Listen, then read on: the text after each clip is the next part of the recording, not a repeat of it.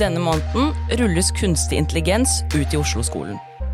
Noen mener det er helt nødvendig at vi lærer barna å bruke den nye teknologien, mens andre mener at det hemmer kreativitet og selvstendig læring.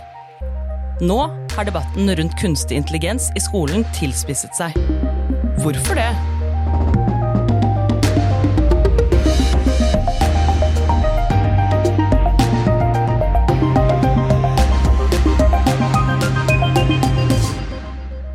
Velkommen til Oslopodden, din ukentlige nyhetspodkast fra lokalavisen Vårt Oslo, hvor du og jeg jobber, Vegard. Ja, det stemmer. Velkommen.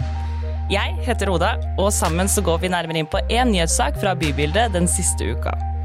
Og kunstig intelligens, det er jo ikke noe nytt. Det er sikkert mange som har lekt seg med ChatGPT eller AI-genererte bilder de siste årene. Eller kanskje brukt det som en hjelpende hånd under eksamensoppgaver eller oppgaveskriving generelt.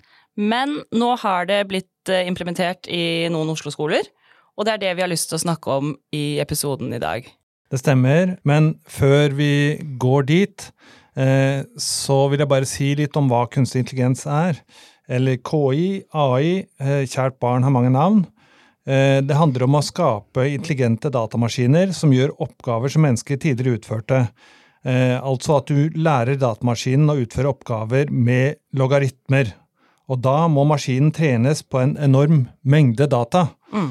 Eh, KI er jo allerede blitt en del av vår hverdag, eh, så dette er ikke helt eh, ukjent. Eh, for, for, eksempel i media så er det sånn at annonser du får eh, i avisen er tilpasset etter din bruk eh, av, av, Google eller andre søkemotorer tidligere.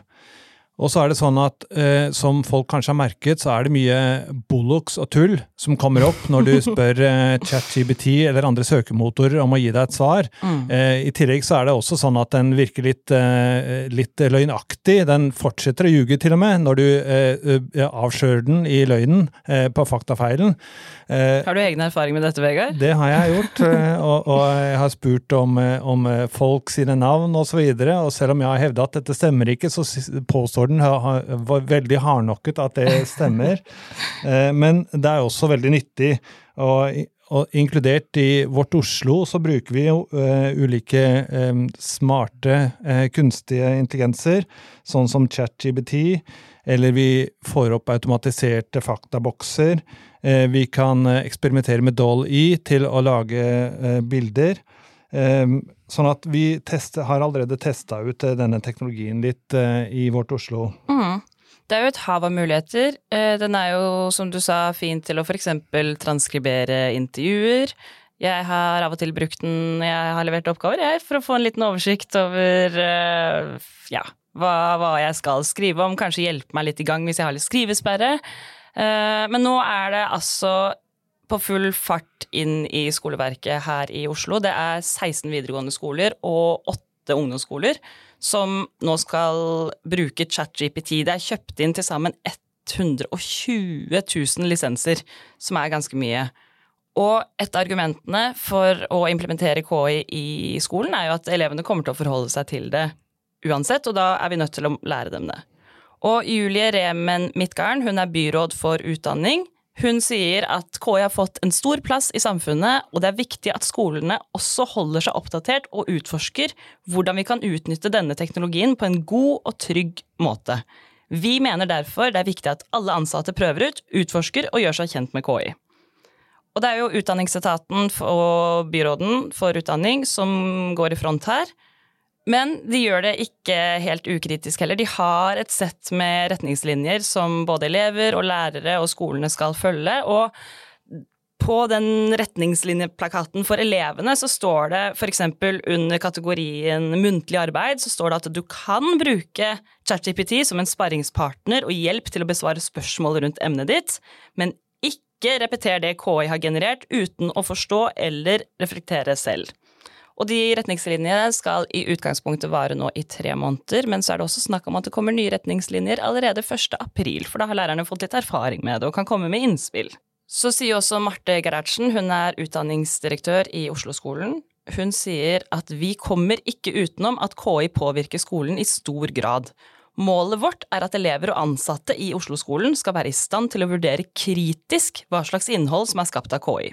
Vi er opptatt av at alle lærere og skoleledere skal vite hva KI er, og hvordan det skal brukes i opplæringen. Ja, det stemmer. Det var mye info. Eh, mye eh, info her, eh, og, og, mye positivitet knytta til kunstig intelligens eh, i Oslo-skolen kanskje ikke fullt så positivt når du spør lærere. Selv om seks av ti lærere sier at de har brukt det i jobbsammenheng, så er det likevel så mange som en tredjedel som eh, sier de er positive, men også en tredjedel som sier at de er negative til bruken av eh, KI eller kunstig intelligens i skoleverket.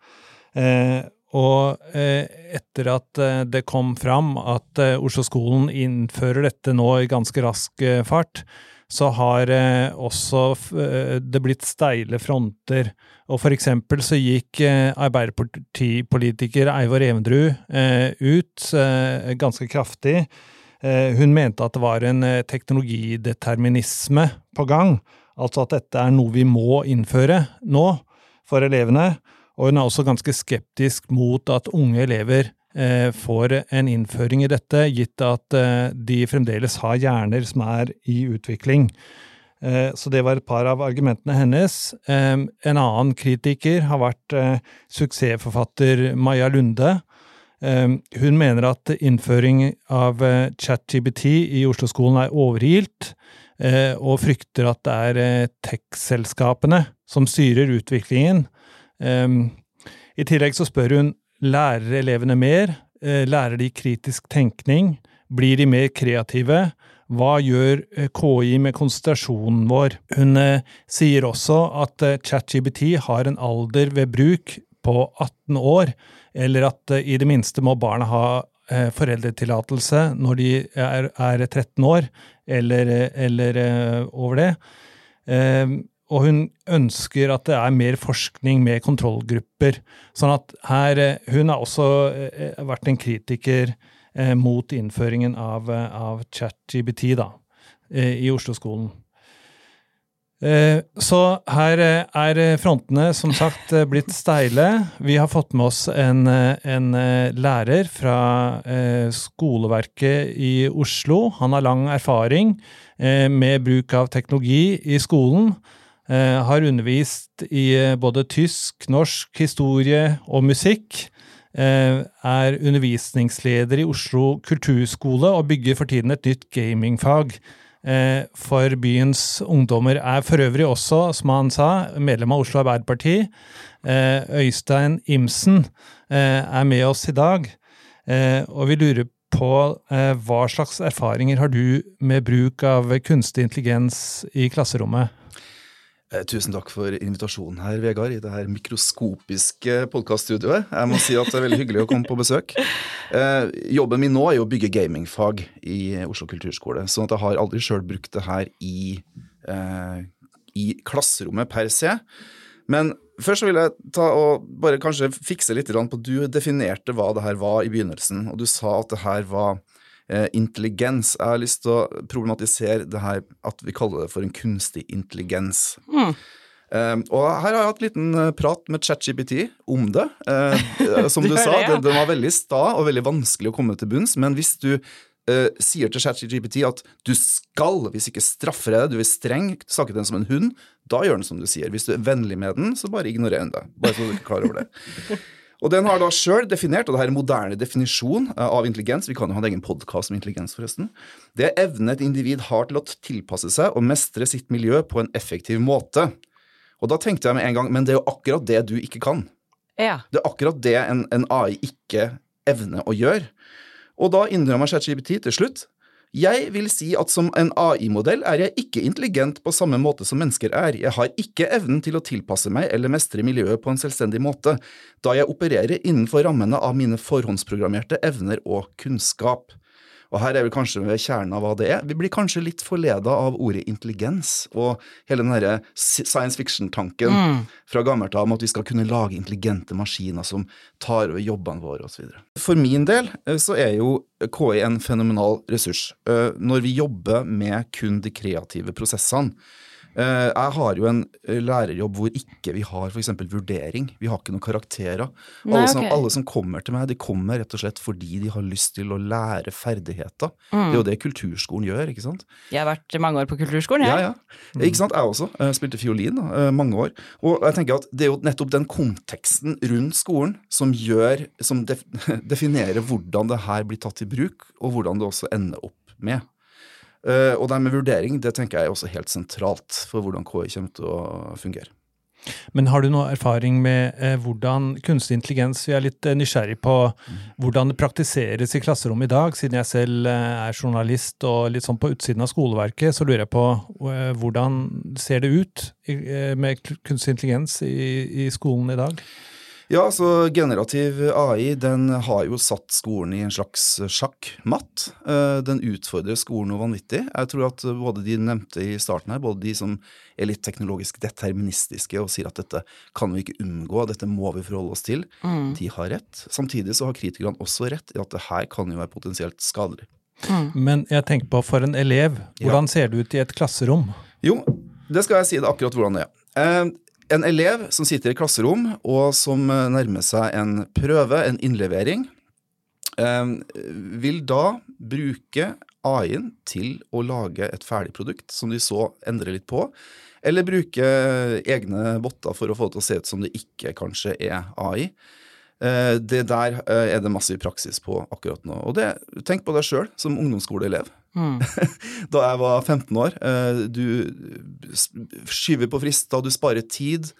Det er jo en gjeng med hedonister vi har der ute. Altså Selvregulering eh, er en evne som jeg mener kommer kanskje med alder. Jeg, jeg tviler sjøl på at jeg har det i noen grad. Jeg skal ikke skryte det på meg, men å forvente at eh, ungdomsskoleelever, også elever i videregående skole eller studenter, eh, eller til og med de som skriver master, tenk, Mm. eh, har den eh, på en måte den kontrollen at de bruker det her akkurat slik det skal, det krever et svært høyt nivå um, av KI-bruk som jeg ikke tror at noen har på nåværende tidspunkt. Mm. Selv ikke de som har brukt det nå siden det kom ut.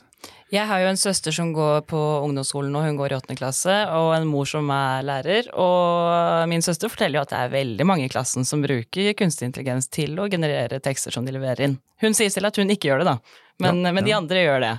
Men hvordan tror du at kunstig intelligens og ChatGPT kan brukes som en ressurs da, i skolen? Ja.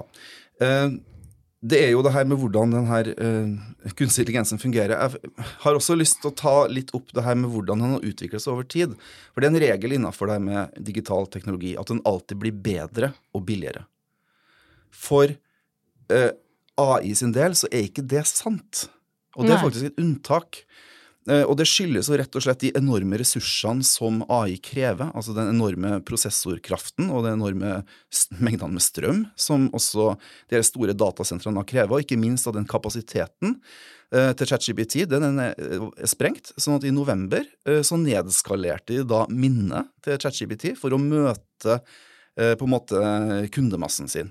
Og plutselig så slutta jo da ChatGPT å huske hva jeg egentlig hadde sagt i tråden, og ble litt mer som å jobbe med en gammel og senil og til tider dement gammel mann. Så det har blitt Så det har blitt- Dårligere Ja. fra den ble lansert til nå? Absolutt, og det tenker jeg er et moment her. Men når vi ser på utviklinga av AI, hvordan på en måte hele den kapasiteten, altså hvordan den digitale mengden av teknologi vi har i verden som kan brukes til det her, hvordan den blir sprengt når flere og flere millioner av mennesker skal ta det her i bruk. Så det tenker jeg også er veldig viktig. Eh, for et halvt år siden Men hvis vi ser litt ja. vekk fra ChatGPT Ja. et øyeblikk, Ja. som jo er én av mange søkemotorer, og så tenker vi på eh, begrepet kunstig intelligens, så sies det jo i debatter og mange steder at det skaper enorme muligheter, gjør individuell opplæring mulig, kan skreddersys til klasser og enkeltelever. Eh, eh, Kan du se for deg at kunstig intelligens kan brukes som en ressurs i klasserommet? Ja. Hvilke jobber er det kunstig intelligens eh, på en måte tar over? Eh, jeg leste forresten om Klarna, eh, en bedrift som hadde nettopp uh, kutta 700 årsverk på Ja. rett og slett å erstatte mennesker med kunstig intelligens. Det er folk som da sitter og, og skriver kundehenvendelser, folk som har faktura, folk som skylder penger og slike ting. Eh, merker sjøl når jeg sitter og administrerer, når jeg skriver såkalte hjernedøde tekster, altså bare sånn rapporter, eh, søknader, slike ting, så er kunstig intelligens fantastisk. Den er god til å generere kode, f.eks. Mm. Programmere. Den er god til en hel masse slike ting eh, som på en måte ikke har noen menneskelig kontekst. Ikke har noen, ikke har noen forståelse av kultur eller språk i seg sjøl. Eh, og det er litt sjokkerende når man tenker på hvor mye sånt man faktisk da gjør i samfunnet, og også nå i skolen. Mm.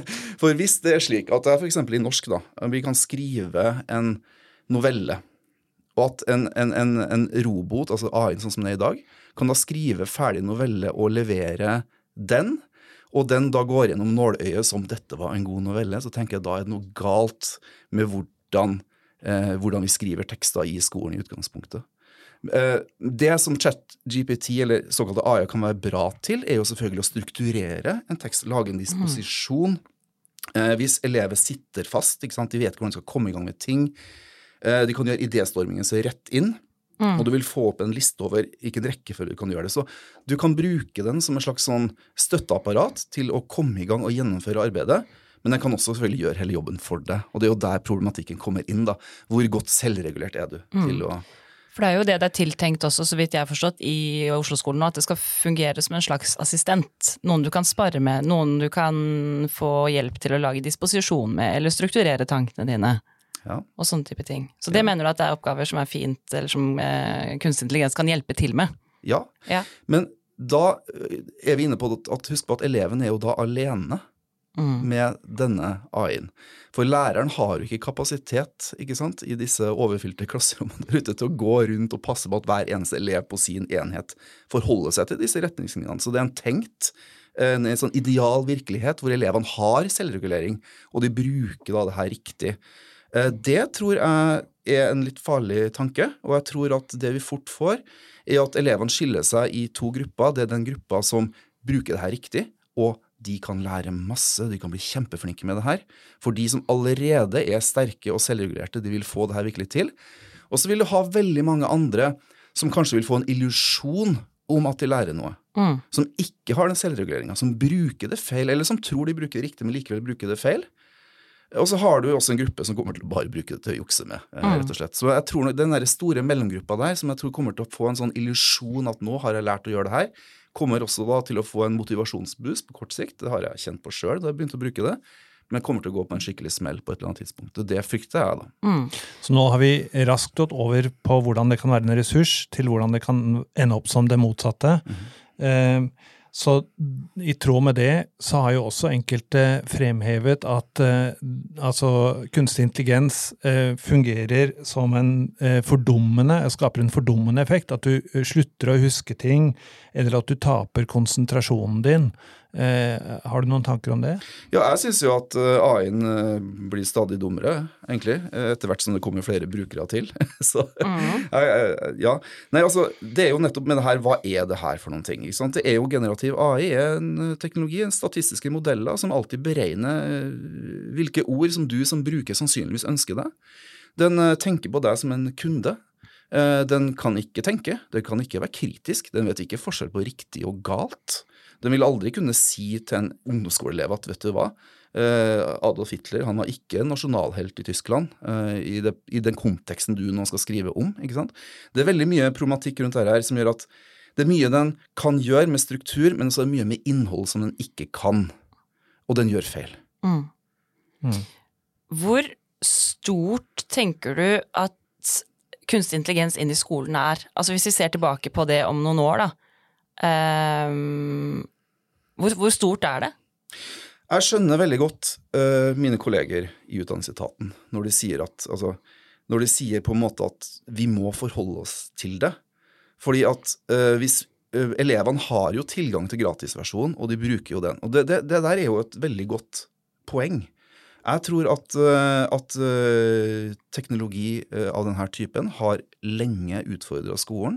Og nå har vi kommet til et punkt hvor det her blir åpenbart for alle. Jeg vil til å belyse også det at søkemotoren sin inntreden i skolen var en tilsvarende eh, stor, eh, stort paradigmeskifte mm. da det kom. Og fortsatt en dag i dag, og det her er ganske lenge siden det kom, det vi snakker om 15-20 år siden liksom søkemotoren begynte å dukke opp i norsk skole, også med tilsvarende feil og mangler og tilgang på på porno og slike ting, eh, som, som, man ikke har i dag, da, men som man hadde den gangen, som er litt samme som KI har nå, så har lærere fortsatt en dag i dag. Og det, det vil jeg, Med all respekt for mine kolleger rundt omkring i landet, så vil jeg si at vi har ennå ikke klart å tilpasse oss søkemotoren som et verktøy. Hvordan skal man i alle dager skal man da hive seg rundt og tilpasse seg AI, som er et mye, mye kraftigere verktøy bare i løpet av to måneder, det man ikke har fått til på 20 år. Det vil jeg problematisere. Mm. For at man har lenge f.eks. bare sluppet elevene ut på Google, google det. Tilgang til enorme mengder informasjon, og så klarer de ikke å strukturere det. ikke sant? Mm, og så sitter de bare og trykker rundt og vaser og clickbait og se, det var noe som lyste, og så klikker de inn der. Så du er redd for at det samme vil skje nå med AI, at du fortsatt har tilgang til store mengder informasjon og mange muligheter uten at du klarer å bruke det Man på druk, riktig måte? Man drukner rett og slett i informasjonen? Ja, I søkemotoren så drukna jo elevene, ja. ikke sant? og ble liksom handlingslamma av det. Men nå blir de leda inn på noe. Men hvem er det som leder, og hva blir leda inn i, og hvordan det da brukes, og hva det fører til læring, det vil jo uansett ikke, tenker jeg da, være nødvendigvis det som vi ønsker. Men hva er den største faren her, da? Uh, den største faren er jo at uh, vi ender opp med at uh, elever går gjennom et utdanningsløp og får vitnemål med gode karakterer, hvor det står at her har man lært ting, her har vi vært flinke. Og så går de da ut i samfunnet, og så har de egentlig ikke lært noen ting. Og de kan da ikke skrive en tekst, og de skjønner ingenting av, eh, av uh, hvilket land de bor i, eller uh. Men de kan vel fortsette å bare bruke AI også videre da, resten av ja, livet? Ja, faren er at, vi, at elever blir avhengig av det. At de rett og slett ikke klarer seg uten. Og da blir jo det her et spørsmål om kunnskap og makt. Eh, hvem er det som kontrollerer AI-en? Hvem er det som mater den med informasjon, og hvilket output gir den oss igjen, da? Så vi må jo kunne tenke kritisk. Altså, vi kommer jo til å bli, og det har skjedd allerede, vi blir jo overvelda med mengder av AI-genererte bilder og, og, musikk og tekst, ikke sant. Så det er jo kjempeviktig at elevene vil være i stand til å gjenkjenne hva som er lagd av mennesker, og hva mm. som er lagd av en AI. Mm. Og der er, der er, vi i en, fanga i en felle hvor man kan si at men hvordan skal de klare å gjenkjenne det når de sjøl ikke har brukt AI? Samtidig kan det være at vi som mennesker blir avhengig av fanga inn i den. Så det her er dobbelt, og det her vet vi ikke hvordan det kommer til å bli. Det er en risiko. Men eh, hvis vi skal ta utgangspunkt i det som er virkeligheten i Oslo-skolen nå, eh, den innføres, den er på vei inn. Eh, det er ingen som sier at den ikke skal innføres av de som styrer for tiden.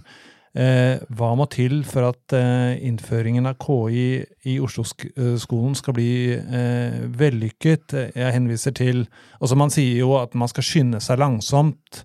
Eh, litt i motsetning til eh, utdanningsdirektør Trond Ingebretsen, som sa at ideelt sett hadde vi hatt litt mer tid på oss, men vi hadde ikke noe annet valg. Men hva, hva, hva må til da for at dette skal bli eh, vellykket? Ja, det her har jo lærere sagt i årevis, og senest ved innføring av ny læreplan, eh, Ludvigsen-utvalget som vi hadde fra 2014 for ti år siden, sa det her også, om og om igjen. Politikere må nå ta eh, et valg. Skal man ha noe som helst inn i skolen, så må ganske mye også ut. Fordi sånn som det er nå, så er skolen overfylt med, med, gode intensjoner og fagstoff og alt mulig rart som man ser for seg at skolen skal løse av sosiale problemer, både nå og i framtida. Lærerne har ikke kapasitet til det her. Eh, det vil være noen spesielt interesserte, litt nerdete, sånn som meg sikkert, som kommer til å, å, å, sette seg inn og gjøre det bra, men de store andelen lærerne de har ikke kapasitet. Mm. Så det man må gjøre for å lykkes med det, er rett og slett, i tillegg til å gi et styringssignal på at nå innfører vi det, sånn som man har gjort, eh, så må man også si da skal dere slutte å gjøre det. Og det er, tenker jeg, et, et politisk avgjørelse. Så jeg enig med min partifelle Eivor, eh, som sier at det her burde vært politisk behandling. Mm. Og det har det da ikke vært. For du mener at lærerne da allerede har så mye på tallerkenen for at de skal ha tid til å sette seg inn i hvordan kunstig intelligens fungerer, ja. så må du fjerne en av de andre oppgavene de har? Fordi ellers blir det for mye, det renner over?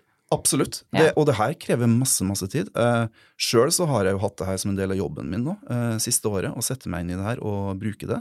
Det har tatt meg mye tid og mye eksperimentering, og på hele tatt, skjønne hva det jeg har, og hva det jeg driver med. Uh, og, og, jeg kan ikke se for meg at, at, uh, at et provisjonsfellesskap er i stand til å, å, takle det. Så det er det ene. Og så er det et perspektiv til som man ikke har tenkt på, og det er vurdering.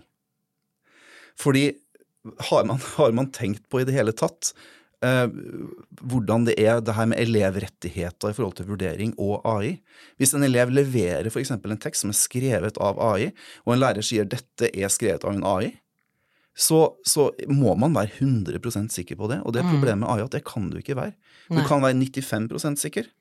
Og da i det øyeblikket så står vi i en situasjon hvor elevene helt, nesten helt fritt kan holde på å levere AI-generert uh, materiale som da skal vurderes av en lærer. Da nødvendigvis da til toppkarakter. Fem eller seks. Men tror du ikke at lærerne kjenner elevene sine godt nok til å vite at du skriver ikke på denne måten, du klarer ikke å ordlegge deg sånn som det her, eller ha denne setningsoppbyggingen? Men de gjør jo det, med AI i hånd så gjør de jo det. ikke sant? Det er jo det som er poenget. Eh, så, ja, Men det er, den problematikken der den tenker jeg også går over i videregående skole. og så i den grad elevene vil gjøre det her, i den grad elevene vil da jukse og bruke AI-en feil, det henger også da sammen med hvordan skolen styres, hvordan lærere måles, og det karakterpresset som er på elevene. Mm. Og Der skiller også Oslo seg ut med et ganske brutalt inntakssystem til videregående skole, hvor det er knallhard kamp om å få femmer og seksere for å komme inn på de skolene, de populære skolene som ligger langs Akerselva. Og da ser jeg jo for det første for meg at ingen skoler, ungdomsskoler fall, vil si nei til å innføre ChatGPT å få den fordelen for sine elever, når de da er i konkurranse med, med andre som da potensielt eh, får toppkarakterer av AI. Og det så vi også under korona. Eh, da det ikke var eksamen, så gikk jo grunnskolepoengene i, i Det ble jo fullstendig inflasjon i Oslo. Og det henger sammen med at det er high stakes mm. på karakterinntak. Og så er det også da en gang slik at skolen også styres i altfor stor grad ut ifra elevenes resultater. ikke sant? Du, en, du, sa ungdomsskolen, men du mente videregående skole, ikke sant? Jeg, nå mente jeg inntak til videregående skole, men jeg mener også ja. videregående og videre. Det her forplanter mm. seg videre oppover i utdanningssystemet. Mm. Mm. Et perspektiv til eh, også, eh, Hvordan eh, skal læreren klare å undervise i dette her? Fordi det forutsetter jo at de også får en undervisning i dette her. Du er jo selvlært, men, ja. men eh, eh, lærerne må jo også settes inn i hvordan de skal bruke dette verktøyet. Kan du si noe om det? Ja, det, det, finnes jo ingen som ikke er selvlært. Det finnes jo ikke noe, det finnes ikke noe høyskole for uh, bruk av AI. Eh, det finnes ikke noe lærerutdanning som kan fortelle deg hvordan du skal bruke det her. Og Uansett om det hadde eksistert, så hadde det vært utdatert om tre måneder, for da har teknologien endra seg totalt. Ja, for det går så fort. Det går så fort. Det er akkurat det som er problemet. Sånn at det krever jo rett og slett enormt mye tid og ressurser for en lærer å, å ta det her i bruk og sette seg inn i det. det er vel egentlig det jeg kan si. Mm. Um, og så har vi også den interessante situasjonen. Jeg har også kolleger som, uh, som bruker AI-en for å gi tilbakemeldinger til elever. Og da tenkte jeg med en gang oi, har vi da kommet dit at elevene bruker AI for å generere tekster og innhold, så lærerne da bruker den samme AI-en på å generere kommentarer på? Da har vi lagd en slags sånn metaunivers av vurdering, hvor alt bare da er, er, fake og gjøres av roboter. Det er jo en litt artig tanke, men også litt trist. Høres ut som en film, eller en episode av Black Mirror. Ja, Men legg merke til at jeg jobber i kulturskole, mm. og mine elever de bruker AI riktig fordi vi har ikke vurdering. ikke sant? Mm. Vi bruker jo det masse, både å programmere og lage innhold i Dungeons Dragons og alt mulig rart. Det er jo en fest. Mm. Men pga. vurdering så blir det her veldig problematisk i skole. Mm. Så du kan si at eh, det her har jo egentlig vært aktuelt veldig lenge, men AI-en har jo gjort den egentlig vurderingskrisa i skolen veldig aktuell, nesten så aktuell at den må løses umiddelbart.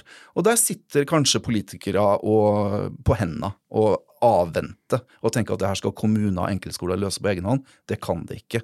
Her må det komme noe sentralt fra. Mm. Veldig spennende innspill her. Eh, et helt annet poeng. Tror du at det vil bli større klasseskiller mellom Eh, elevene pga. kunstig intelligens, at det er noen som står igjen som vinnere, mens flertallet står igjen som tapere? Ja, absolutt. Det var det jeg nevnte i stad.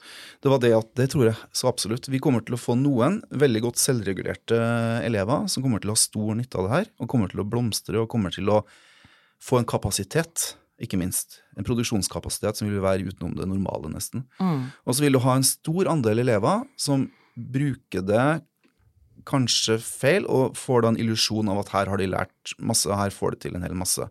Og jeg er veldig bekymra for at de kommer til å gå på en smell senere i utdanningsløpet.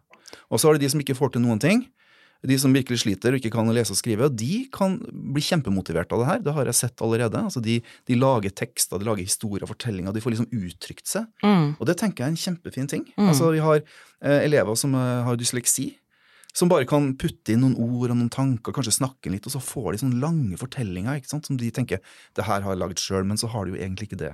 Men tenker du at det er en god ting? Selv om de da ikke har skrevet teksten selv? Jeg er usikker. Ja. Jeg er veldig usikker. Jeg er glad i å se øynene deres skinne. Jeg glad, Mm. jeg er glad i å se at de får til ting. Mm. Samtidig så tenker jeg men du må jo få det til selv. Ja. Hvis du var utdanningsdirektør nå, hva ville ditt neste steg vært? Med tanke på kunstig intelligens inn i Oslo-skolen. Ja, hvis jeg var Marte. Ja. Hvis jeg var Marte, hei Marte. Eh, hvis jeg var Marte, så tror jeg nok at jeg hadde tatt det rolig. Eh, det er mitt på en måte, Man kan tenke mange måter om det her, men jeg tenker at det å gå for fort fram ikke er lurt. Eh, med, rett og slett med tanke på at vurderingskrisa er sånn som den er. eh, Og kapasiteten til lærerne er slik sånn som den er. Man må ha det her på noen runder først. Man må snakke med fagforeninga, man må ut og høre hva lærerne sier. Elevene med på råd. Man må ha en ordentlig prosess på det, tenker jeg. Så man blir enig iallfall om at nå kjører vi. Eh, og så burde man prøve å begrense det kanskje mest mulig fram til da. Men det er ikke lenge man kan holde på det. Altså det han Trond sier at vi hadde ikke noe valg, vi må komme i gang fort. Eh, altså, den derre eh, desperasjonen og panikken, den skjønner jeg også lite grann. For samtidig som man da sitter og setter i gang de her prosessene, så går jo det her som et godstog tvers gjennom skolen. Det gjør det, altså. Tusen takk for at du kom til Oslopodden, Øystein Imsen. Vi er tilbake med en ny episode neste torsdag. Og hvis du vil få et lite pling på telefonen når vi har en ny episode ute, så abonner gjerne på oss i podkasten. Vi snakkes! Du har hørt en podkast fra Vårt Oslo. Hør flere podkaster på vartoslo.no podkast.